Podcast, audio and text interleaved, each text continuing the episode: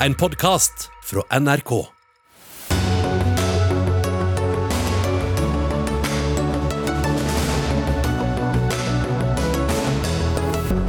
Konservativt klimanettverk vil bekjempe klimaendringene og sørge for økonomisk vekst samtidig. Et umulig prosjekt som kan bli direkte farlig, advarer redaktør. Aftenposten skal måle lesbarhet for alle tekster avisa publiserer. Det får flere anmeldere til å frykte at språket får lide. Arbeiderpartiet vil bruke 3,4 milliarder kroner på å gi arbeidsledige feriepenger. Det mener Høyre er ren galskap. Og deilig og av og til nødvendig å bli full, sa en prest i NRK-programmet Ikke spør om det. Trist at alkoholbruk blir framstilt på denne måten, svarer prestekollega. Vel møtt til ukas siste Dagsnytt 18, hvor vi også skal diskutere kvaliteten på lydbøker. Jeg heter Sigrid Solund. Men vi begynner med pandemien som fortsatt formørker tilværelsen. For til tross for strenge tiltak fortsetter koronasmitten å spre seg i det norske samfunnet. 710 personer ble registrert eh, med covid-19 i dag. Særlig blant folk med innvandrerbakgrunn øker smitten. Mer om det straks, men først Espen Rostrup Nakstad, assisterende helsedirektør. Hvorfor ser vi ikke effekten nå av flere dager med innstramminger?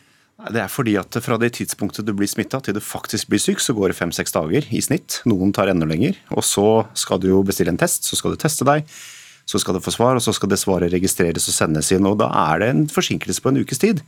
Så vi kan nok ikke forvente å se effekt av det som blir innført før helgen og i helgen, før litt ut i neste uke, tror jeg. Og Hvor lenge tror du vi må fortsette med de strenge tiltakene vi har nå? Nei, Det blir jo spennende å se. fordi eh, Hvis vi da er heldige og ser en utflating, eh, så vil vi sannsynligvis også se en nedgang etter hvert.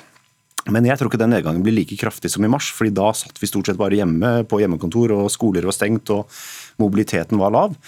Nå er jo de fleste skolene og barnehagene åpne, folk er også på jobb selv om man har mye hjemmekontor, og det er mer mobilitet i samfunnet, man beveger seg mer. Og Da vil det ta lengre tid å få ned tallene, tror jeg, men vi håper at det vil begynne å gå nedover. Apropos hjemme, dette er jo den første helgen med skjenkestopp og skjenkerestriksjoner i store byer. Frykter dere at mange kommer til å trekke hjem til hverandre? Det er klart Vi frykter det hele tiden, men vi tror nå at det har, eh, alvoret har gått opp for mange. Og at det ikke blir de store festene denne helgen. Vi tror også at etterlevelsen er god i praksis for mange. Vi ser at folk bruker munnbind både på butikker og når de venter på bussen. Eh, og, og, folk er stort sett veldig flinke. sånn at det er, Vi ser også på mobilitetsdata fra teleselskapene at folk beveger seg mye mindre i Oslo nå enn de gjorde for en uke siden. Mm. Av de smittede er som sagt eh, andelen utenlandskfødte eh, stor. Nå er den på 39 Lovlin Riel, Riel Brenna, du er leder i SIMA, Senter for mangfoldsledelse. Du var hos oss i mars og var bekymra da for informasjonsflyten mellom norske myndigheter og minoritetsgrupper. Er det det samme vi ser resultatet av nå, mener du? Nei, jeg vil nok si at uh, det er nok ikke bare informasjonsflyten. Det er uh, flere faktorer som spiller inn. Uh, både i forhold til innstilling, holdninger. Det er kummerlige boforhold. Tett, man bor tett. Og så er det jo også veldig mange av de som er smittet, tar jo med seg smitten inn til landet. Så bildet er nok litt annerledes enn det det var i mars. Men det som bekymrer meg, det er jo mer eh, fokuset Altså at man har kommet til et nivå hvor man eh, kanskje er utmattet, sliten og syns dette er vanskelige, vanskelige perioder. og Den har vart over tid, og så kommer mørketid. og man, Jeg ser templene og noen av moskeene som jeg har vært i kontakt med, de har innført strenge tiltak. Men det er mer det der hjemmebesøkene som er den store bekymringen. Så her burde vi ha gjort andre tiltak så jeg tror ikke det handler om bare informasjon. Mm. Det er flere forhold som må uh, fokuseres på. Men den utmattelsen er vel til stede hos alle, Nakstad. Hvorfor ser vi denne økningen akkurat i disse gruppene? Det er mange faktorer her, og ikke minst det med smitte fra utlandet er jo en vesensforskjell nå eh, siste ukene fra tidligere i sommer. Og Det er litt ulike grupper, det er ikke bare én gruppe, det er mange grupper. og, og og Vi ser også at eh, altså, klart trangboddhet og bevegelsesmønster har mye å si. Det er mange ting her man ikke kan gjøre noe med. Men det vi kan gjøre noe med, det er å sørge for at alle, uansett språk som man bruker, og uansett hvilke medier man følger i hverdagen sin, at man får god informasjon som er tilpasset. Og Det har vi jobbet veldig mye med hele siden mars, og ekstremt mye med i høst, vil jeg si. Eh, Men da sier du Brenne at det er jo veldig bra med, med, informasjon og oversettelse, men du savner en litt mer grunnleggende beredskap. Hva er det du tenker på da? Jo, altså jeg tenker jo at eh, vi eller Det ble bevilget 16 eh, millioner til oversettelser og, og, informasjon i vår, og så er det kommet en pakke på 20 millioner. Og Jeg er litt usikker på at oversettelse og informasjon er den eh, rette medisinen. Jeg skulle ønske at vi hadde mye mer fokus på hvordan er beredskapsplanen som når hele befolkningen. Altså hva er DSB gjør, altså Direktorat for samfunnssikkerhet og beredskap. Eh, de hvilke grep har de tatt uh, siden mars? Um, og hvilke støtte får de? Så jeg vil nok ha disponert uh, eller prioritert annerledes i denne fasen. Men hva slags, hva slags, tiltak kan man se for seg at kan, kan hjelpe akkurat for, for, de gruppene vi snakker om i dag, da? Nei, altså, jeg tenker jo at tiltakene, akkurat sånn som vi har ulike altså, Det gjelder jo mange i befolkningen som ikke overholder eh, smittevernreglene. Så det jeg syns er viktig, det er jo at vi har beredskapsplaner som favner hele, hele befolkningen. Eh, min bekymring er jo ok, vi har brukt 36 eh, millioner på oversettelse av informasjon. og Jeg er helt enig med Nakstad at dette har hjulpet, men det har ikke hjulpet nok. Men hva blir tiltaket neste gang vi står overfor en tilsvarende situasjon, en pandemi? Skal vi da bruke like mange millioner på oversettelse, eller skulle vi nå ha sett hvordan skal vi rigge og ta grep, strukturelle grep Eh, hva gjør KS, hva gjør LO, hva gjør Virke, hva gjør eh, innvandrerorganisasjonene? Eh, hvilke grep kan vi ta? At ikke oversettelse og informasjonsformidlingen hovedsakelig blir penger som går til frivillige organisasjoner og innvandrerorganisasjoner, men heller til ikke heller, men også til de som jobber på et strukturelt statlig nivå. Vi kan høre, Nakstad, du skal få slippe å svare ja. på alle disse, men du har kanskje noen tanker om det? Jo da, altså Her er det mange gode ideer. Jeg tror det er et mulighetsrom her etter denne pandemien til å faktisk lære hvordan når man faktisk fram, og hvordan får man sikret etterlevelse i ulike miljøer som, eh, som kanskje bruker medier i ulike land, og som som, eh, som det, vi vet er vanskelig å nå fram til. Men jeg kan ta noen eksempler bare for å vise hvor spisset dette faktisk er. For det er ikke bare snakk om å oversette informasjon. Det er altså lages filmer nå om dette med testing og smittesporing på både engelsk og polsk, arabisk og urdu og somali og tyrkisk. Segmentert på Facebook, og også voicet. Og Det lages egne filmer om håndvask og avstand, alle disse reglene som eh, de fleste i Norge sliter litt med å følge med av og til. Men det lages jo da på arabisk og dari og engelsk og farsi og fransk og litauisk og polsk og somali og spansk og thai og tingrinja og urdu og vietnamesisk. Og filmer om munnbind er lagd på 24 språk.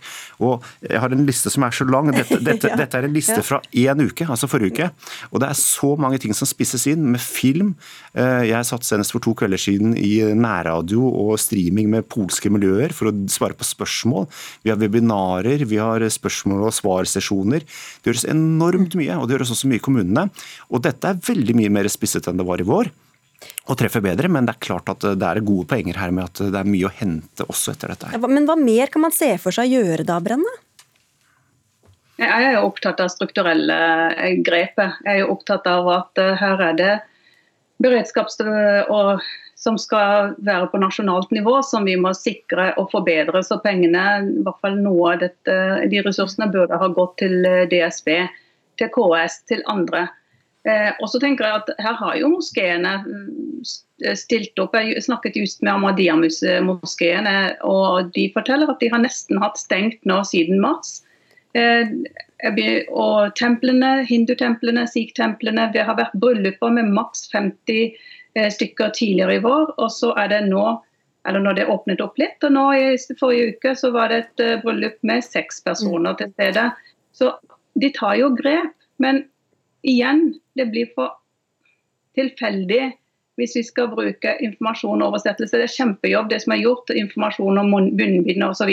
Men vi må få det satt i mm. system, for vi har ikke råd til å holde på slik. Men når vi da peker på unnskyld at jeg avbryter, men alle disse årsakene, skjevhetene, trangboddhet, kultur, eh, utsatte yrker har jo vært nevnt. Hvordan skal man få til en bedring når det er så strukturelt da, som Brenna er inne på? Ja. Nei, Det er eh, mulig å gjøre det på alle måter. Og, og, det er jo sånn at Denne smitten i de store byene har flyttet seg. Det har vært ulike bydeler i ulike perioder av pandemien som har vært hardt belastet. Så her er det mange grep man kan gjøre. Og til det med DSB f.eks. Nå har vi jo da et system med karanteneplikt når du kommer til Norge. Og Det er justissektoren som skal håndheve det og følge opp at alle som kommer til landet blir informert og eh, blir satt i karantenehotell osv. Så, videre. så her er jo nettopp DSB og justissektoren bredt eh, veldig veldig aktivt inne i den delen av pandemiorientering. og Det er også veldig viktig. Men det høres ut som de siste månedene har lært oss at vi ikke var så veldig godt forberedt, egentlig? da?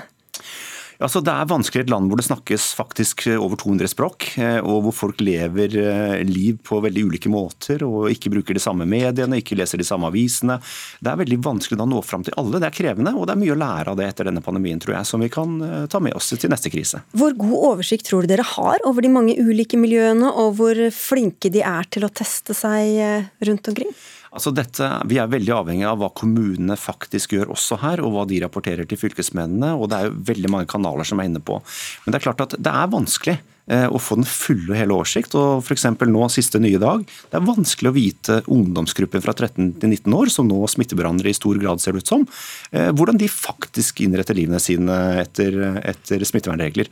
Så det går ikke bare på minoritetsgrupper, det går på ulike aldersgrupper, ulike kommuner. Mange faktorer. Det er vanskelig å følge med på det nøyaktig.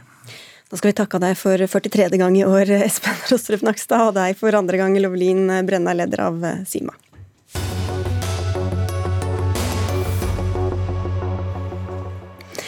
Et nytt klimainitiativ har sett dagens lys. Konservativt klimanettverk heter det, og består foreløpig av medlemmer av Høyres stortingsgruppe. Du er initiativtaker Lene Westgård Halle, du sitter i Stortingets energi- og miljøkomité. Og Det er et tilsvarende nettverk i Storbritannia som er inspirasjonen. og Nå har du brukt tid på å snakke med både partifeller, folk i næringslivet og andre på å kartlegge litt. Og så kom altså dette nettverket ut i verden denne uka. Men hvorfor tenker du at det er behov for det?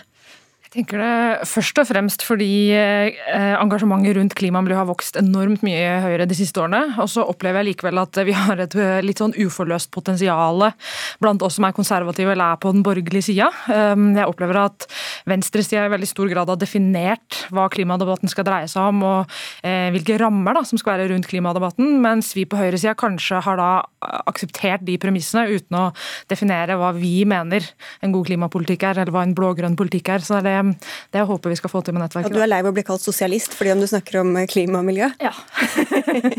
Men da er jo et av de viktigste punktene deres økonomisk vekst, som dere eh, sier faktisk er en forutsetning for å løse disse utfordringene. Hvordan er det det, mener du? Det er jo fordi at Hvis vi skal få, kutte utslipp og vi skal ta vare på naturen, så er vi nødt til å tenke nytt og vi er nødt til å tenke annerledes. Men jeg tror ikke på at vi skal ha den økonomiske bremsen da, som venstresida legger til grunn for klimapolitikken. Jeg tror det at Hvis du setter på den økonomiske bremsen og du ikke skal ha vekst, da får du det vi ser ute i dag. I stille gater i Oslo, folk som mister jobben sin, bedrifter som går konkurs. Det er det det betyr hvis vi stopper den økonomiske veksten. Det vi derimot er nødt til å gjøre, er å vri den økonomiske veksten over på bærekraft, sirkulærøkonomi, og vi er nødt til å løsrive de fra hverandre. Litt sånn som FN sier i bærekraftsmålene sine. Jostein Henriksen, skribent og redaktør i nettavisen Oppstrøms, og du har skrevet veldig mye om eh, dette temaet der og andre steder, og lest en hel del rapporter, bl.a. fra FNs klimapanel. Hvordan stemmer det du har lest da med dette budskapet fra Westgårdhallet?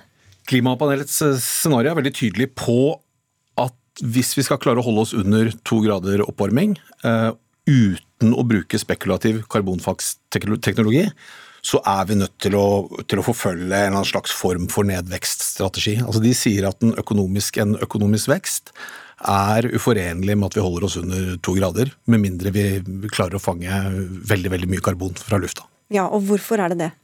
Hvorfor, det er... Hvorfor, hvorfor, hvorfor, er dette uforenlig? Hva er det som kolliderer? Nei, altså, vi, lever, vi er jo en, en fossil økonomi, så, så utslipp, og, utslipp, og, økonomisk vekst henger jo sammen. Eh, forholdet er omtrent én til én. Når økonomien dobler seg, så dobler utslippene seg. Tanken til, tanken til Høyre er jo at man løsriver de to fra hverandre, men det veldig mange studier tyder på, og scenarioene til, til klimapanelet, er at den løsrivelsen ikke kan skje raskt nok. Mm. Skal ha det. Ja, altså Det er jo ikke helt riktig det han sier. for at FN har jo i sine bærekraftsmål nummer 8 og 12 dette som en forutsetning for å lykkes. Eh, vi må få til en bærekraftig økonomi. Jeg vil at å koble fra økonomisk vekst og utslipp. Litt sånn som de har fått til i Sverige, da, hvor du har hatt en sterk vekst i BNP, men en sterk nedgang i utslipp. Eh, men så tror jeg han har delvis rett, fordi vi kan ikke holde på sånn som vi har gjort frem til rundt 70-tallet. Vi hadde en helt voldsom vekst. Vi brøt ned naturen, vi brukte masse ressurser uten å tenke på verken resirkulering, sirkulær økonomi, noen av disse tingene som vi jobber med nå. og jeg tror veldig på at vi kan få til det. iPhone er for et et godt eksempel. Eh, på 70-tallet så besto jo alt det som vi har i iPhone i dag. Det var eh, skriver, eh, kamera, det var eh, vekkerklokke, selve telefon, Altså telefon på 80-tallet var jo ganske tung. Alle de ressursene vi brukte da, for å lage alle de produktene, bruker vi ikke i dag. Vi har alltid en bitte liten iPhone, og det er jo den teknologiske utviklingen og veksten vi er nødt til å få til for å kutte utslipp og ta vare på naturen. Samtidig, hvis du kjøpte en vekkerklokke eller en telefon på den tida, så hadde du den i kanskje 10-20 år, mens en iPhone vil du bytte ut eh, annethvert år. Ja, og det er jo et veldig godt poeng. Jeg var på besøk hos Apple Apple for et par år siden med energi- og miljøkomiteen, og vi tok opp dette med Apple, for de snakket om bærekraft og det å kunne ha iPhone lenge og sånn, så vi utfordret dem litt på akkurat det. Da kan vi krysse av, det var den saken løst. så, det, så det er jeg helt enig i. Ting må vare lenger, vi må ta vare på ting. Det der bruk og kast-samfunnet som vi har hatt i mange år, det må vi legge bak oss. Vi er nødt til å bli litt mer moderne og bruke ting lenger og på nytt igjen. Utfordringen er jo at eh, på tross av at, vi, at iPhonen har erstatta printer og kamera og en del andre ting, og på tross av at vi har installert eh, vindmøller og solkraftverk og alt sammen, så, så slipper vi vi bruker mer ressurser enn noensinne, og vi slipper ut mer klimagasser enn noensinne. Det betyr at veksten, den økonomiske veksten har altså spist opp absolutt alle tiltak vi så langt har innført. Alt! Ikke sant? Og, og det illustrerer på en måte hvor stort og heftig dette problemet er, og hvor vanskelig det er å, å snu det rundt når det kommer til sånn effektivisering av, eh, effektivisering av, eh, av, av produkter og av produkter, så er jo problemet det at det som gjerne følger en effektivisering, er at de produktene blir billigere, og så bruker man mer av det. Ja, og, og da Eller hvor, nei, nå ble det veldig stotrete her. Men hvor, hvilken empiri har du da å vise til som sier at, at, vi vil forbruke mindre, sette mindre fotavtrykk når, når økonomien går oppover? Vi, vi, ser det jo på mange ting. Det er mange mineraler som vi brukte veldig mye av før, som vi bruker mye mindre av nå fordi teknologien har tatt over og vi gjør ting på en helt annen måte. Eh, og så er det ikke til å stikke under en stol at vi har ganske lang vei å gå og vi har veldig mye vi er nødt til å ta tak i. Men jeg tror det at eh, hvis vi skal legge til grunn at ikke vi skal ha økonomisk vekst, så kommer vi ikke til å ha verken pengene eller ressursene ressursene eller teknologien til å utvikle de løsningene vi trenger. Og Det er jo dette som skiller oss fra venstresida, fordi de vil ha bomstopp, mens vi vil ha utvikling. Men hva ligger egentlig da i økonomisk vekst? Skal vi også alle øke vår egen kjøpekraft? Altså jeg tenker at eh, Det viktigste er jo at vi ikke setter ned bommen, at ikke det er en brems. Vi, vi, trenger ikke å ha det racet med bruk og kast, og vi trenger ikke å ha liksom massiv vekst i BNP, men en sakte, men sikker og trygg vekst som gjør at vi har ressurser til å reinvestere og til å skape ny teknologi, tror jeg er helt viktig. Og så er Det til sist også, det er jo veldig lett for oss da å sitte her i Norge og si at nei, nei, vi skal ikke ha så mye økonomisk vekst og vi må bremse ting. Det er jo lett for oss å si, som har alle de ressursene vi har, men da tenker vi jo ikke på resten av verden og de landene hvor vi faktisk er helt helt avhengig av økonomisk vekst for å løfte folk ut av fattigdom. Ja, eh, det er mye å si om det der, men altså når det kommer til fattigdom, så er det sånn at 30 eh, av eh, veksten i BNP den går til verdens 1% rikeste. Halvparten av vekst i bruttonasjonalprodukt, globale bruttonasjonalprodukter, går til de 5% rikeste. Og Det er ganske svimlende hvis du tenker over det. Det betyr, at, halv, det betyr at halvparten av alle utslippene våre, halvparten av alle miljøødeleggelser, all avskoging, alt sammen, går til å gjøre de rike enda rikere. Um, så hvis, hvis, vi skal redde verdens fattige med BNP-vekst, så viser jo produksjoner at det vil ta mange hundre år. Uh, men, men, du vil ha økonomisk vekst i fattige land, eller? Ja, det, altså, det er vel ingen i, i denne degrowth-bevegelsen som er mot vekst i fattige land. Man snakker om å begrense veksten i land som allerede bruker altfor alt mye. Men du sier, som mange andre, da, at det er veldig bra at dette nettverket er dannet, og flott at de engasjerer seg, men så sier du samtidig at, at det kan være farlig. Hva mener du med det? Altså Problemet er at hvis man klarer å overbevise velgere om at en utilstrekkelig løsning er god nok, så er de mye farligere enn f.eks. klimaskeptikere som ingen tror på. Altså Hvis klimaskeptiker er en skrullete onkel som ber deg om å bruke krystaller og, og, healing når du har fått kreft, så er Høyre på en måte en, en lege som sier, som overbevis, en overbevisende lege som sier at du kan, at du kan klare deg med medisiner fra 50-tallet. Eh, så, så, Høyre har mye mer gjennomslagskraft. Og, og, og, hvis, og hvis løsningene Høyre presenterer er utilstrekkelige, så er det farligere. Jeg tenker at Det er en litt sånn gammeldags tilnærming til ting. da. Altså, det, det, stemmer jo ikke, det bildet. Eh, det kan godt være at vi er legen og er de kunnskapsrike, men jeg tror jo at de løsningene vi har er de riktige. Og jeg tror det at eh, å sette ned den bremsen kommer til, å gjøre, kommer til å være skadelig for klimaet. Jeg tror det er mye farligere hvis vi sier at vi skal redde klimaet med å bremse økonomien, for da kommer vi ikke til å ha ressursene eller teknologien til å gjøre de tingene vi trenger å gjøre for å redde verken naturen eller klimaet. Men hvis vi fortsetter å ha mer og mer penger mellom hendene, hva skal hindre oss fra å fortsette å importere masse masse klær og sko og ting og tang fra Kina eller andre land? Nei, Det er et veldig godt poeng, og jeg tror vi i mye større grad er nødt til å bruke skatte- og avgiftssystemet, sånn at vi faktisk gjør det mye mer lønnsomt å kjøpe ting som er holdbare, som varer lenger, og som har mindre avtrykk, klimaavtrykk og naturavtrykk. Og så er vi nødt til å gjøre det dyrere å kjøpe de tingene som er da billige, som forurenser, og som vi egentlig ikke trenger. Hvordan skal dere få med dere befolkningen på å si at nei, vi må slutte å kjøpe så mye, slutte å bruke så mye penger, gå ned? Det, det, er jo en kjempeutfordring. Altså, dette er jo et helt reelt dilemma. Uh, vi, vi, står i en situasjon der økonomisk vekst er i ferd med å ødelegge planeten, og det er utrolig vanskelig å få folk til å oppgi økonomisk vekst. Så, så, så, og hva som er svaret på det dilemmaet, det vet jeg ikke. Men, men, jeg håper jo og tror at vi skal få politikere som, som på en måte ikke bare aksepterer å, å bli spiddet på et av hornene til det dilemmaet, men prøver faktisk å løse det. Det var deg det, da, kanskje? eller? Ja, det er jo det jeg, prøver, opplever at vi prøver å gjøre. Å nettopp finne den løsningen. da, At man tenker nytt, man tenker bærekraftig, man tenker sirkulært, men at man faktisk tenker at man kan gjøre det med, med å ha en god økonomi i bunn. da. Da venter vi bare på at Apple eh, tar eh, budskapet ja. fra energi- og miljøkomiteen. Takk skal dere ha begge to, Lene Westgård-Halle, stortingsrepresentant fra Høyre, og skribent og redaktør Jostein Henriksen.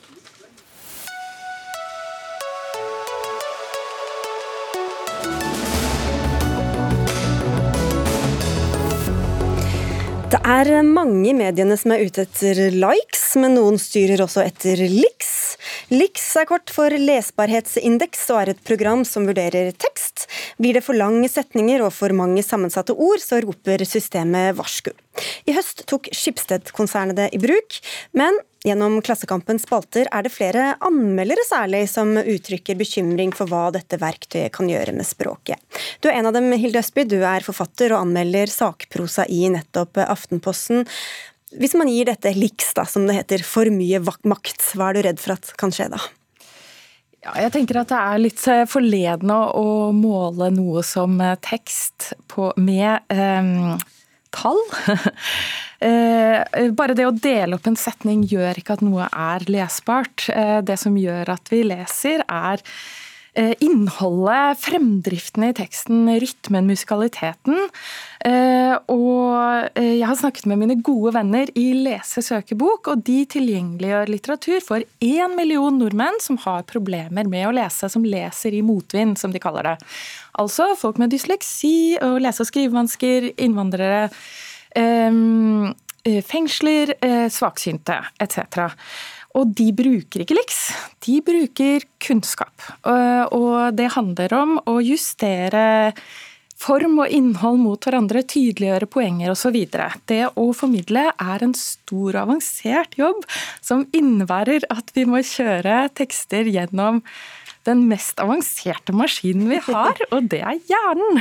Den menneskelige hjernen. Kunnskap om kontekst og ja, hva en tekst betyr. Uh, særlig for meg som jobber med sakprosa. Um, jeg jobber med tekster som beskriver virkeligheten, som går inn i debatter. Og av og til må vi tåle lengre resonnementer og vanskelige ord.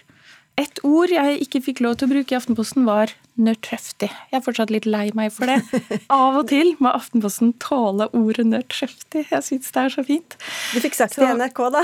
ja, nå er jeg veldig glad. Men det, mitt hovedpoeng her er at hvis det er den menneskelige hjerne og kunnskapen til anmelderne som eh, spiller en rolle, så eh, må må Aftenposten og Skipsted satse mindre på liks og mer på å betale folk ordentlig. For jeg sitter og gjør denne jobben for 150 kroner timen. Oi, der fikk vi inn det også.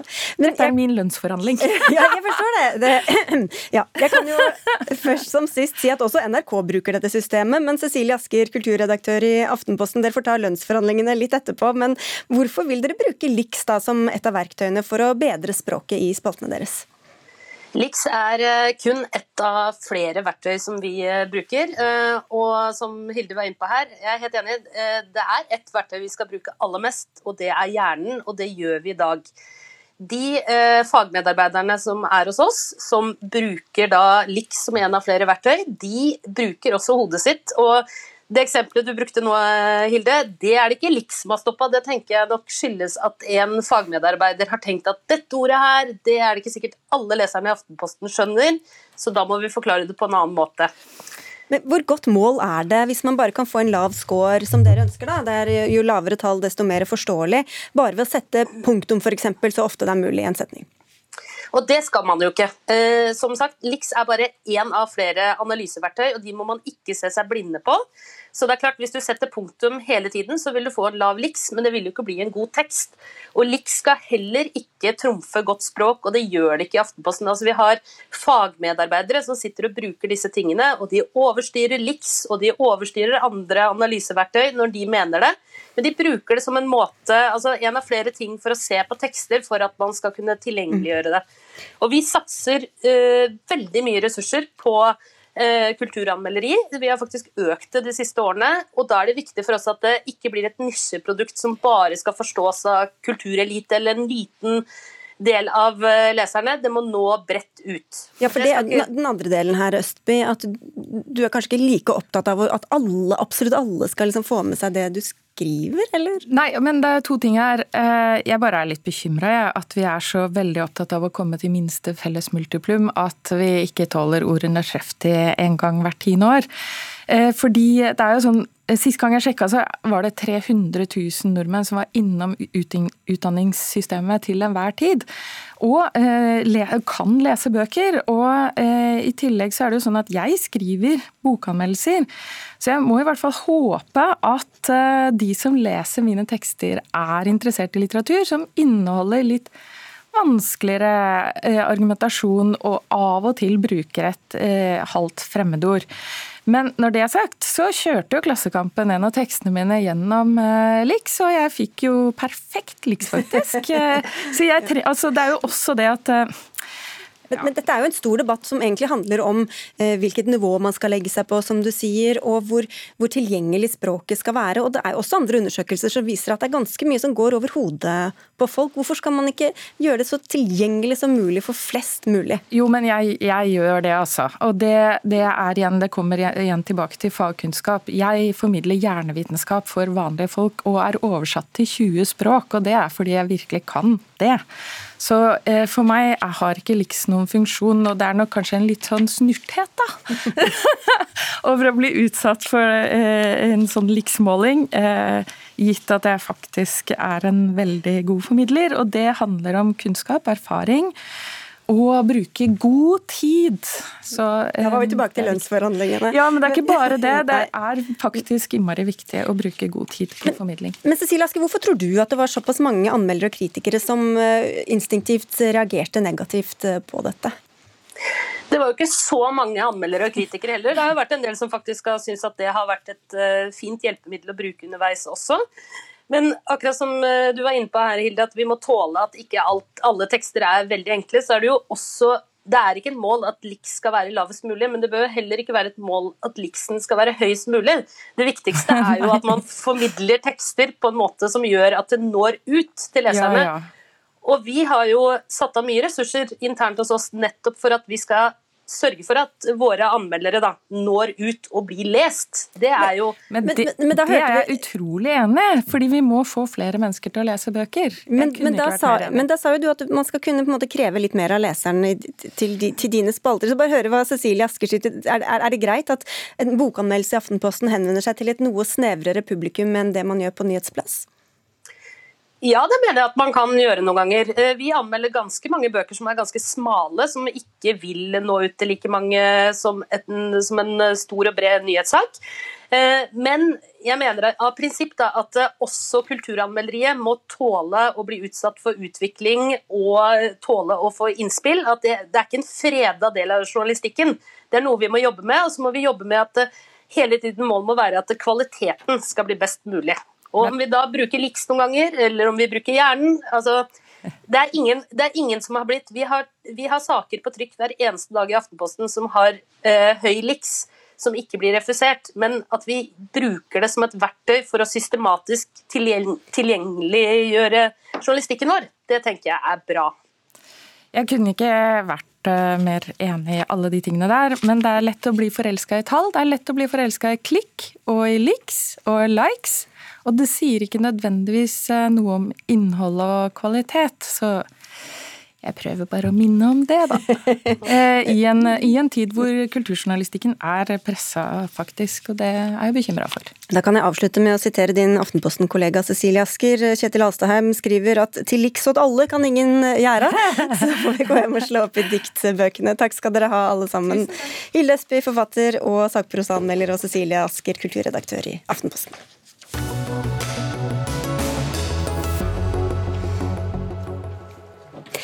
Mot slutten av denne Dagsnytt 18-sendinga spør vi om kvaliteten på norske lydbøker er for dårlig. Mer kultur i vente altså, men først til noe ganske annet. For blir prester fulle? Det var et av spørsmålene noen prester fikk i NRK-programmet Ikke spør om det. Her er et lite utdrag.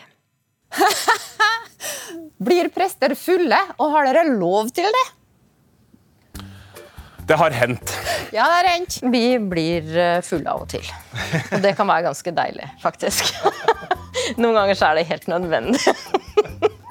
Det står i Bibelen at Jesus var, en, var kalt for en storeter og en vindrikker. da. Det må vi ikke glemme. ja. Så, ja da. Det, det har jeg altså blitt kalt, for å si det sånn. Dette har altså skapt reaksjoner, og vi har med en av prestene her. Men vi skal først eh, til Stavanger, eh, og til deg, Marte Kristine Østerud Primstad. Du er sogneprest i Kampen menighet, og du sier at det er trist at alkoholbruk blir framstilt på denne måten av eh, prester. Det sier du til, til Vårt Land. Hva var det du mislikte ved denne måten alkohol ble omtalt på? Altså, jeg syns det er trist at man fremstiller alkoholbruk på denne måten, og det er det mange grunner til. Eh, men spesielt to grunner. Den første grunnen er at jeg, jeg mener at fyll ikke hører hjemme blant prester. Og den andre grunnen er at jeg syns det er et veldig uheldig signal å sende til alle de menneskene der ute som har det vanskelig, eh, enten fordi de selv sliter med alkoholmisbruk, eller at de står noen nær som sliter med alkohol, og at det går utover dem. Deilig og av og til nødvendig å bli full, sa du også i programmet Audirene Svartstadmo. Du er um, Asmo, du er sykehusprest ved Diakonhjemmet sykehus. Det er kanskje litt overraskende uttalelse fra en prest? Ja, jeg syns ikke det er så veldig oppsiktsvekkende, da. Men uh, det er jo kanskje det.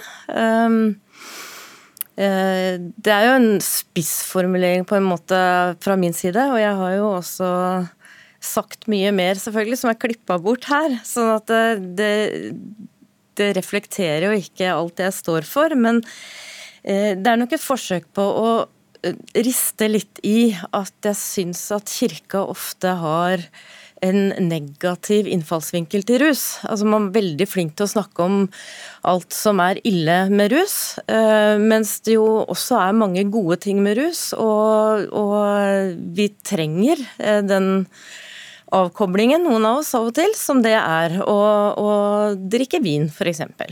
Og Det er jo sikkert noe mange kjenner på Primstad. Hvorfor skal ikke prester også vise at de er mennesker med behov som alle andre, og kanskje da minske avstanden mellom presten og menigheten? Det er jo klart at eh, Prester er jo som alle andre folk. Vi er jo vanlige mennesker, vi også. og Jeg må jo understreke at jeg har ikke noe imot alkohol i seg selv. Eh, jeg syns det er helt greit at en prest tar seg et glass vin eller et glass øl, eller hva det nå måtte være. Men jeg syns ikke det er riktig med fyll, og jeg syns ikke verken det er nødvendig eller deilig. Eh, rus har veldig mange negative virkninger, og det ødelegger ganske mange liv. Og Derfor så syns jeg det er Jeg var jo blant de som syntes det var en oppsiktsvekkende uttalelse, da. Hvorfor er det så oppsiktsvekkende? Fordi jeg syns, altså, jeg syns at prester ikke bør gå på fylla. Det er jo noe som Bibelen for f.eks. taler eh, imot. Det står i Bibelen at man ikke skal drikke seg full. Og som kristen og prest så tenker jeg at jeg bør så godt jeg kan i hvert fall prøve å leve etter det som, som Bibelen sier, da. Det er jo noe med, med, ord her. Jeg tenker at det å gå på fylla, det kjenner ikke jeg meg igjen i. I det hele tatt. Det er ikke det jeg snakker om. Jeg snakker om uh, å av og til bli beruset. Og det er nok noe med ordbruk her som gjør at vi kanskje også snakker litt uh, litt forbi hverandre. Altså det som er viktig for meg, er uh, i den serien, det er to ting. Det ene er å vise at vi er som alle andre, for det tror jeg vi er. Vi er ikke mer enn mennesker, eh, og det er ganske mye i seg selv.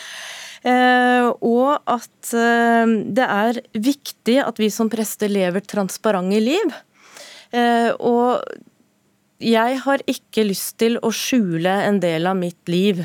Eh, det syns jeg blir eh, mye verre enn altså For meg er det å være en god rollemodell, det er å faktisk leve et transparent liv. Da, og snakke sant om livet mitt og være ærlig med livet mitt. Og jeg tror at det, at det inviterer til mer kontakt enn det støter mennesker fra meg. Altså, det er min erfaring, da. Det er jo selvfølgelig bare erfaringsbasert. Eh, men jeg har fått ekstremt mange gode tilbakemeldinger på dette. Folk som syns at det var fint å høre, og som kjenner det igjen selv. Men du eh, går veldig en annen vei, Primstad. For du sier at du, du ville ikke engang tatt et glass vin ute på byen i Stavanger fordi det kan misforstås. Hva, hva mener du med det? Altså, først må jeg få lov til å si at jeg er jo enig med Svartmasmo i at man skal leve transparente liv, og jeg syns jo det hun sier der er veldig riktig og veldig bra. Eh, men jeg har nok en litt annen innfallsvinkel til det. Jeg syns ikke at rus i seg selv er positivt, selv om man skulle gå, eh, gjøre det i andre settinger enn å gå ut på fylla, som jeg sa i stad. Eh, men jeg har selv valgt å ha et ganske restriktivt syn på dette. Jeg er ikke totalavholds. Men jeg ønsker ikke å sende ut noen dårlige signaler eller at folk skal misoppfatte eller misforstå hva jeg gjør. og Derfor har jeg valgt å ikke drikke ute, f.eks. hvis jeg sitter i, på en uh, kafé eller en pub i Stavanger sentrum. Da, mm. da tar jeg heller en cola. Svartfastmo? Ja, jeg tenker at det er, eh, det, det er helt fint, og, og der finner vi ulike løsninger. Eh, men for meg er det veldig, vil det være veldig rart. Jeg syns det ville legge veldig store begrensninger på livet mitt. Men til, til et av poengene som kom her, at folk som, for folk som sliter med rusmisbruk, mm. da, da har jo kanskje presten vært en naturlig person å henvende seg til, for en del i hvert fall. Hvilket signal sender man da til, til dem, hvis man får høre også fra presten at det kan da være så deilig å ta seg en, en liten fyll en gang iblant? Eh, det tror jeg kan være både åpnende og lukkende. Jeg tror det kan være begge deler. Jeg tror at, eh, at Marte i Stavanger har rett i at, eh, at, det for noen kan gjøre at de skygger banen. Men for veldig mange har jeg erfart at det gjør at de faktisk tør å åpne opp. Fordi at de skjønner at jeg vet noe om hva det handler om. Men tror du de tenker at ja, hvis presten kan gjøre det, da kan jo i hvert fall jeg gjøre det? Eh, det tror jeg kanskje ikke, for hvis de opplever at de har et problem, så, så, tror jeg ikke det gjør problemet noe mindre at de ser at eh, jeg bruker alkohol. Jeg tenker ikke at jeg misbruker alkohol. Du sa det var mange positive reaksjoner. En av dem kom fra statsminister Erna Solberg. Hun ja. kalte det enkelt, lavmælt og innsiktsfullt ja. på Twitter. Så da har du ja, det var en slags hyggelig, velsignelse fra statsministeren.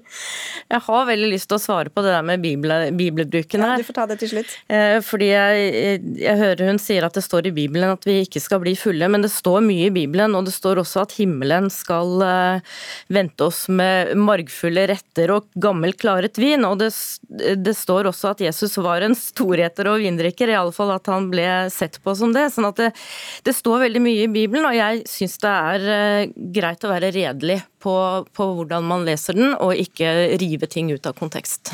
Da blir det vindrikking i det hinsidige. Marte Kristine Østerud Primstad, takk skal du ha for at du var med. Du er sogneprest i Kampen menighet i Stavanger. Og takk til deg, Aud Irene Svartvassmo, sykehusprest ved Diakonhjemmet sykehus i Oslo.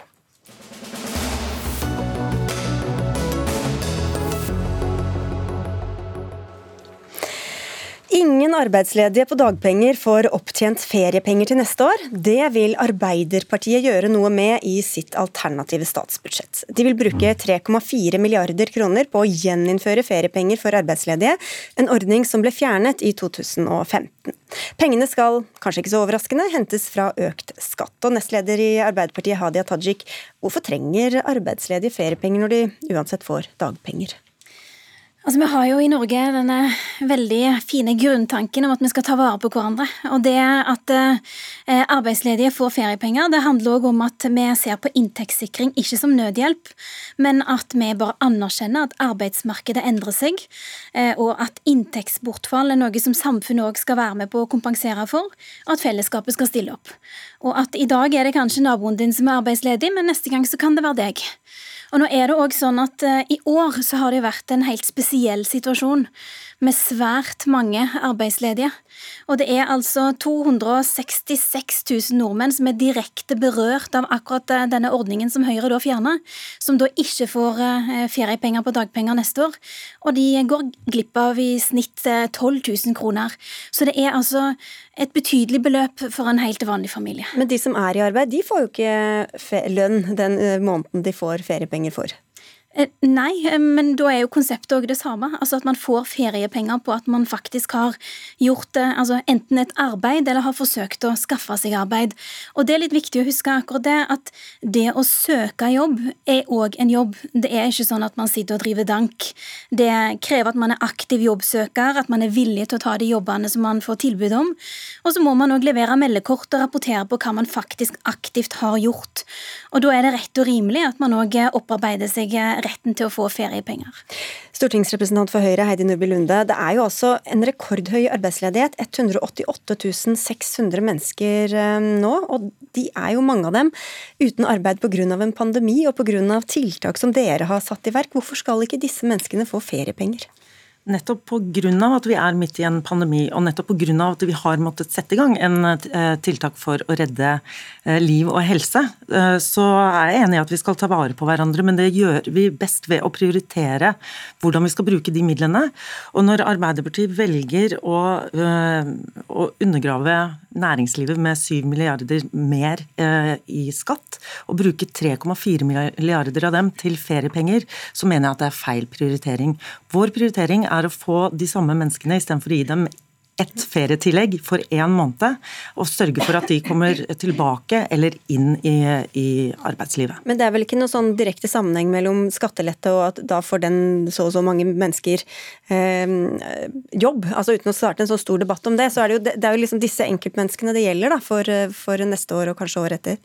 Ja, nå gikk jo jeg selv permittert et halvt år før jeg kom inn på Stortinget, eh, og jeg ble jo overrasket da jeg i januar året etter fikk et, ferie, eller et tillegg som som jeg fikk fra, fra, Nav, som jeg lurte på var feilsendt. For i likhet med 80% av alle de som mottar dette ferietillegget, så var jeg tilbake igjen i en, i en, jobb. Og Det er grunnen til at vi fjernet det i utgangspunktet. Skal man ha treffsikre um, hjelp til de som i dag er ledige, så er det viktigste å skape nye jobber som de kan komme seg inn i, istedenfor å bruke det største løftet i Arbeiderpartiets alternative statsbudsjett til å bruke det på feriepenger til arbeidsledige. Det er feil å si at det er det største løftet. For i Arbeiderpartiets budsjett. Vi foreslår eh, ganske store beløp til det å skape arbeidsplasser og en aktiv næringspolitikk. Det er dessverre òg feil, eller, eller, heldigvis da kan man si, for bedriftene. Men det som er synd, da er jo at Høyre eh, sprer usannheter om det. Eh, altså, eh, Arbeiderpartiet skatteopplegg innebærer at selskapsskatten kommer til å stå helt i ro på dagens nivå. Så næringslivet får ikke nye skatter. Men det Høyre må ta inn over seg, er at det som skjedde i år, det var at deler av samfunnet vårt ble stengt ned. Det, det var en myndighetspålagt nedstengelse. Eh, og i motsetning til Heidi Nordby Lunde, så er veldig mange av de som ble direkte berørt av den nedstengningen, det er ganske mange som er lågtlønte. Så 12 000 kroner i gjennomsnitt utgjør et ganske stort beløp, som Heidi Nordby Lunde da ønsker å frata de. Men, Men kan jeg bare spørre om en ting, for dere vil vel ikke at dette bare skal gjelde for de som er rammet av denne pandemien, at det bare skal gjelde neste år? Det, det er jo en, en varig ordning dere foreslår? Det er helt riktig. Fordi det er rett Så det er jo ikke det et argument i så fall, da? Eh, nei, det er to argumenter. Det ene er at dette er generelt rimelig og rettferdig. At når folk som er eh, arbeidsledige, at vi som fellesskap stiller opp sammen eh, og bidrar til at de òg får feriepenger, fordi det kan berøre oss alle i ulike situasjoner, og fordi det å søke en jobb òg er en jobb og burde innebære å få feriepenger. Men det er klart at når det har vært en så ekstraordinær situasjon med myndighetspålagte nedstengninger, som, som særlig har ramma mange lågtlønte, så er det jo ekstra viktig at vi ivaretar nettopp den rettferdigheten. Det er ingen logisk grunn til at man ikke skal få feriepenger når man går på dagpenger. Og jeg vil bare legge raskt til at mens Høyre har valgt å sende penger rett i lomma på de som har store aksjeformuer, med de store kuttene i formuesskatten som de har gjennomført, så er det helt sant det at Arbeiderpartiet ønsker å sende penger i lomma på de som er ja, arbeidstakere eller arbeidsledige. Det var det den debatten likevel. Ja. og, eh, altså, det både bidrar til mer rettferdighet, men det stimulerer òg økonomien. Fordi det at folk er ute om sommeren og bruker penger, det stimulerer òg økonomien. I en tid der man ønsker akkurat det, at flere skal bidra til å holde hjulene i gang. Bestille ferietur til Vestlandet eller hvor det skulle være. Lunde. Ja, nå viste jo TV 2 i går at det blir faktisk 4900 flere nullskattytere med eh, Arbeiderpartiets skatteopplegg kontra regjeringens. Eh, så Arbeiderpartiet bidrar jo også til at eh, de rikeste betaler det, det, mindre i, i skatt. Men dette vil jeg gjerne korrigere hvis det er sånn at Høyre skal si ting om Arbeiderpartiets skatteopplegg som skaper et feil inntrykk. Fordi når man snakker om disse såkalte nullskattyterne, så snakker vi altså i stor grad om ja, enslige pensjonister som har nedbetalt eh, lån på boligen sin. Altså Det er ikke altså snakk om eh, at man gir penger til folk med store aksjeformuer, som er det Høyre har valgt å gjøre, helt målretta. Fordi dere har valgt å øke aksjerabatten, og det går direkte Dere, til de som Da går vi tilbake, tilbake, til saken, eh, til det vi diskuterer, faktisk. Lund. Ja, som sagt, jeg slo opp i Arbeiderpartiets alternative statsbudsjett under kapitlet for trygge jobber, og så på den største satsingen som Arbeiderpartiet har der. Og der står det at den største satsingen de ønsker å gjøre, er å bruke 3,4 milliarder på å gjeninnføre feriepenger til arbeidsledige. Det mener vi er feil prioritering av penger i en tid der de arbeidsledige og permitterte faktisk ønsker seg tilbake til en trygg jobb, og da det, mener vi okay. at pengene skal brukes til det. Men la oss si at mange får, eh, får en trygg jobb, da. At de, de permitterte kommer tilbake på jobb eh, på vårparten neste år. Og så må de ta ut ferie om sommeren uten å opparbeide seg rettigheter hos eh, arbeidsgiveren. Men så må de kanskje ta ut ferie likevel. Barnehagen er stengt, skolen er, er stengt. Hvordan skal de ha råd til det? Ja, sånn er det dersom man har vært eh, arbeidsledig eller permittert over en lengre periode. Så vil kanskje den ferien det ene året eh, være litt annerledes enn en ellers. Men så er det jo sånn at feriepenger for arbeidstakere er jo din egen lønn som du får etterbetalt av arbeidsgiveren din.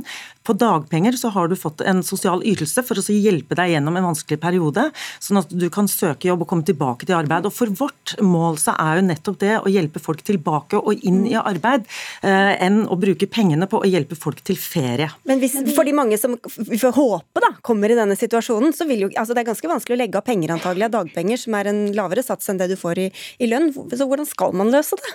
Ja, altså Vi har jo gjort det nå et system eh, eh, motsatt av Arbeiderpartiet. fordi det systemet de vil ha, vil jo gjøre at dagpengemottakere i dag må tre, eh, trekkes i dagpenger og så, eh, når de tar ut ferie, og så får de det ferietillegget utbetalt året etter. Det mener vi ikke gir mening i det hele tatt. Men langtidsledige som eh, har gått permittert permittert eller vært ledig i mer enn 52 uker neste år, kan faktisk ta ut ferie og beholde dagpengene sine under regjeringens regime. Det mener jeg er en mer rimelig ordning, som også sørger for at de langtidsledige og permitterte kan ha ferie med familien sin, og ikke få den lille trøsten eh, ett år etterpå. Ja, dere setter grensa ved åtte uker, Tajik. Altså Det virker som Høyre ikke skjønner denne krisen. Og det er høyreinstinktene som vi ser igjen. Vi snakker tross alt om den største nedstengningen som landet har opplevd siden krigen. Men da dette skjedde i mars, så hadde de heller ikke en tanke for sosial rettferdighet. De lempa regninga over på arbeidstakerne ved å kutte i arbeidsgiverperioden, så de raskere gikk over på en dagpengeytelse som var langt lavere enn det de ellers ville fått.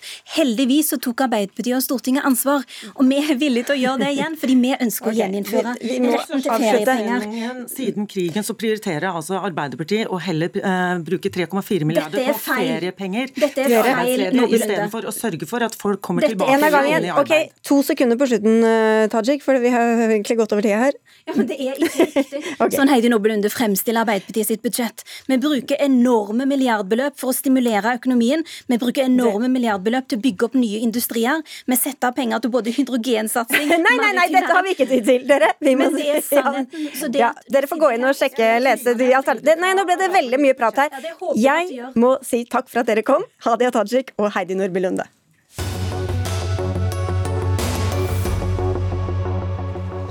Er du glad i litteratur, men foretrekker å få den inn gjennom øret? Salget av lydbøker har økt med over 40% fra 2018 til 2019, ifølge Klassekampen. Men det vi får servert er av høyeste variabel kvalitet, sier du til samme avis, Andrea Brein Hovig. Du er skuespiller, bl.a. i Norges Oscar-kandidat Håp, får vi gratulere med. Du hører på mange lydbøker og sier altså til Klassekampen at eh, en del av dem hadde hatt godt av en runde til. Hva er det som irriterer deg når du hører på dem? Eh, nei, jeg vet ikke om jeg blir så irritert, egentlig. Jeg har bare Jeg har så lyst til at vi skal snakke mer om lydboka. Er det, er det en bra lydbok, eller er det, kunne den blitt bedre? Jeg syns at vi snakker for lite om kvaliteten på det, og jeg syns forfatterne fortjener en god lydvariant av boka si. Men hva er det som gjør at noen ikke har den gode varianten, da? Eh, jeg tenker noen ganger at en bok produseres med for lite midler, rett og slett. At man ikke bruker penger på en tekniker. At eh, skuespilleren blir overlatt til seg selv og har det fulle og hele ansvaret. Og noen er skikkelig gode på det. Jeg hørte nettopp Anders Eide lese eh, Hemingway, 'Den gamle mannen og havet'. Kjempefint. Det har han gjort hjemmefra. Så jeg vil liksom ikke Altså, dette er vennene mine, kollegene mine som leser inn. Noen er skikkelig gode på selvkjør, som det heter. Mens andre hadde hatt veldig godt av et par ører ekstra. Stine Meltvedt Lyseggen, du er produksjonssjef i Lydbokforlaget. Hva syns du om den gjengse kvaliteten på lydbøker? Ja, nå sitter vel jeg kanskje litt i glasshus da, som produsent, men eh, jeg og Lydbokforlaget er selvfølgelig veldig opptatt av dette med kvalitet, og det må jeg først og fremst si at en kvalitetsdebatt, det ønsker vi jo svært gjerne velkommen. For det har det vært eh, Det er lenge siden det har vært noe særlig snakk om det. Ja. Eh, og gjerne også gå videre og anmelde lydbøker på de premissene som ligger til grunn. Det syns jeg hadde vært kjempefint. Men har dere studiokvalitet med tekniker og produsent på alle deres innspillinger? Ja, det har vi i høyeste grad. I, hva skal jeg si, vi har en slags tredelt produksjon. Eh, vi bruker betjent studio eh, til i hvert fall halvparten av alle de produksjonene vi har i løpet av et år. Eh, der er det alltid lydtekniker til stede, og stort sett også en produsent i de første øktene, og gjerne lenger hvis det er en produksjon som krever det. Eh, så bruker vi også såkalt selv, selvbetjente studioer, men disse ligger da i tilknytning til våre lokaler, sånn at eh, innleseren har tett kontakt med våre produsenter, kan komme og spørre oss om det tekniske, få hjelp, mm. og også råd og veiledning i forhold til innholdet og ja, selve leseoppdraget. For det trenger man ofte. Altså hvis, hvis f.eks. jeg-personen i en fransk roman blir lest inn Eller altså en, en, roman kan bli lest inn av en som ikke har hatt fransk på skolen, f.eks., så er det jo en bug å høre Champs-Élysées eh, gå igjen og igjen. Altså Da blir det til slutt en sånn irritasjon. Hvis man hadde det er på hatt... det nivået ja, ja, Ja, absolutt. Eh, og da hadde det vært så kult om den innleseren bare fikk litt sånn fransk assistanse, eller en god, altså, en god roman kan bli en veldig dårlig lydbok, og omvendt. Altså det å høre en roman bli løfta opp når du får det på øret. Hvis du hører Hildegunn Eggen lese Olav Duun altså Jeg vet ikke om jeg selv hadde klart å tygge meg gjennom hele Juvik-folket på papir, men når hun leser det for meg, som er fra samme område som Olav Duun, og som har en Altså det, det, er bare et eksempel på at lydboka er et selvstendig produkt. Og det, disse tingene skulle jeg ønske vi snakket mer om. Ja. Men, men, du er ja, nei, Dette går det jo selvfølgelig ikke an å være uenig i, og ingen ønsker om det. Og jeg er eh, altså dette med at man, en innleser ikke kan uttale navn og steder på eh, det gjeldende språket i boka, det er jo selvfølgelig altså det, Dette er uhyre viktig at dette blir gjort på en eh, korrekt måte. Eh, og det skjer selvfølgelig feil, og det hender jo at vi kanskje ikke har gjort en god nok jobb i forhold til castingen, eller har en innleser som ikke løser oppgaven på den måten vi, vi ønsket oss og trodde vi skulle få.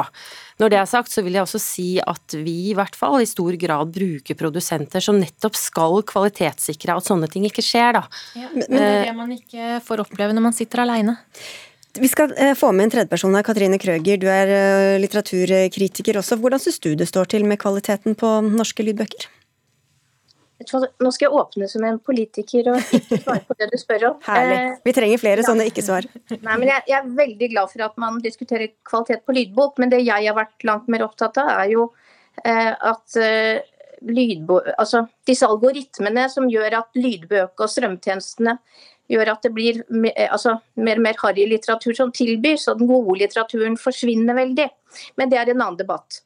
Når det kommer til kvalitet på akkurat det som leses inn, eh, så skal jeg være frekk nok til å si at det jeg blir mest sliten av, det er skuespillere som gjør for mye ut av bøker, og som eh, i all sin eh, velvilje gjør alt de kan for å løfte altså, løfte en dårlig roman. Jeg tenker på det litt som det samme som en oversetter. Oversetteren eh, skal egentlig være ganske nøytral. ikke sant? At vi skal ha Jeg liker litt sånn flatt og ikke sånne lange tankepauser. og jeg kan irritere meg veldig over å høre lydbøker av veldig proffe forfattere, for det blir for mye Nei, proffe skuespillere blir altfor mye skuespill og altfor lite bok.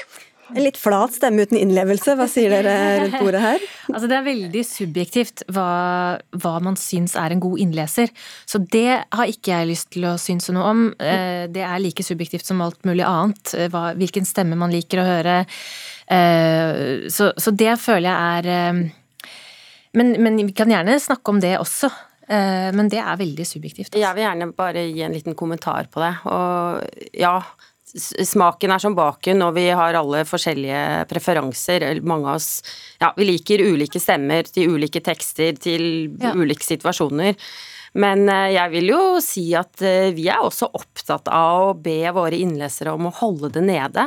Det er eh, stor, grama, dra, unnskyld, stor grad av dramatisering er ikke vi for heller. Det er selvfølgelig en enkelte barnetitler og sånn hvor det kan være en stor gevinst og gi ja. boka noe mer. Men altså for eksempel Bjørn Rørvik, når han leser inn sine barnebøker om reven og grisungen, så er det jo helt sånn det er out of this world svært, men det er helt fantastisk, for det er så personlig. Ja. Eh, men jeg ville ikke kunne lese det inn sånn, så det er eh, ja. Men, men, Katrine Krøger, du tror ikke at en sånn veldig flat stemme i seg selv kan være litt um, forstyrrende for, for, lytteren, da? Jo da, du, jeg spissformulerer meg. Jeg, jeg bare tenker at jeg har hørt mye lydbøker, jeg har faktisk lagd noen saker på det. For jeg er helt enig i at det bør debatteres mer. Mm. Eh, men, men, jeg syns kvaliteten jevnt over har vært veldig god. Jeg, jeg, har snakket en del om litteratur for Blindeforbundet. De har hørt på lydbøker i 30-40 eh, år. Eh, og de er jo de syns jo at kvaliteten blir bedre og bedre på lydbok. Altså at fordi de får flere og flere Altså fordi det meste blir lest inn. Og så, Når det kommer til det at vi kritikere skal anmelde lydbøker, så tenker jeg at det burde vi kanskje også gjøre. Men det er jo så mye bøker som kommer, og den boka er jo Boka er jo på en måte allerede anmeldt som bok, og det å anmelde litt som den etterpå som lydbok blir eh, eh, ja. Det tror jeg ikke det er kapasitet til, rett og slett. Ja, altså Det siste man vil, er jo å frarøve forfatteren muligheten til å bli anmeldt i det hele tatt. Det er så mange fantastiske bøker som aldri blir anmeldt, så det er det ingen som vil. Jeg bare, jeg bare lanserte det som en sånn eh, halvtullete ting, bare for å eh, si hvor viktig jeg syns det er at vi må, vi må, diskutere kvaliteten. Men jeg mener jo ikke at man skal gjøre det istedenfor å anmelde en ny roman. Ja takk, begge deler vil jeg si da. Og dessuten så kan jeg jo faktisk røpe også at eh, noen av forlagene har nå planer om å gi ut enkelte ting rett i lyd. Og da er det jo kanskje et større rom for å men det er jo et ressursspørsmål også, hvor mye man skal legge i en sånn eh, Jeg regner med at folk koster litt ulikt å leie inn, og ikke minst da selvfølgelig hvor mange som skal være involvert. Hvor, hvor mye penger er det man bruker på en sånn eh, innspilling, da? Ja, det har jo først og fremst å gjøre med bokas omfang, da, og antall timer i studio. Eh, men hvis jeg kan oppgi et tall, så ja, kanskje en gjennomsnittspris på 40 000 for en for en gjennomsnittlig roman. Det er et litt ullent svar, fordi det er avhengig av så mange ting. Men, men, det er kostbart. For all del. Og når du skal lese inn, Hovig, hvordan, hvordan forholder du deg til teksten? Da? Hvordan går du fram? Eh, jeg, det, altså, jeg, jeg, leser ikke inn så innmari mange lydbøker, for jeg syns det er så krevende og slitsomt, og jeg er redd for å skuffe forfatteren og sånn, så jeg er blitt litt sånn paranoid av det. Eh, men eh, jeg forbereder meg litt ulikt Eh, det kommer an på hvilken bok jeg skal lese inn. Men eh, jeg tør ikke å lese aleine. Eh, fordi at jeg selv har erfart så mange ganger at man kan bli litt snøblind når man blir sliten. Så plutselig så, så leser jeg startknappen i stedet for at det skal stå startknappen på selve knappen, skjønner du? Mm. Og det er en sånn ting som Nei, det står startknappen. Å ja. Og det er jeg så takknemlig for å få beskjed om, for det, da er jeg så sliten at jeg ikke hører det selv. Men det er klart det er billig for forlagene at vi gjør det aleine. Det er veldig kostnadsbesparende, men blir det bra nok? vi lar den henge, og så sier vi tusen takk til dere alle tre. Katrine Krøger, jeg tror du ville på igjen, men det rekker vi ikke. Og Andrea Brein Hovig og Stine Meltvedt Lyseggen, fordi Dagsnytt 18 må ta helg. Det var Dag Dørum som hadde ansvaret for sendinga. Helje Svensson hadde det tekniske ansvaret, og jeg heter Sigrid Solund.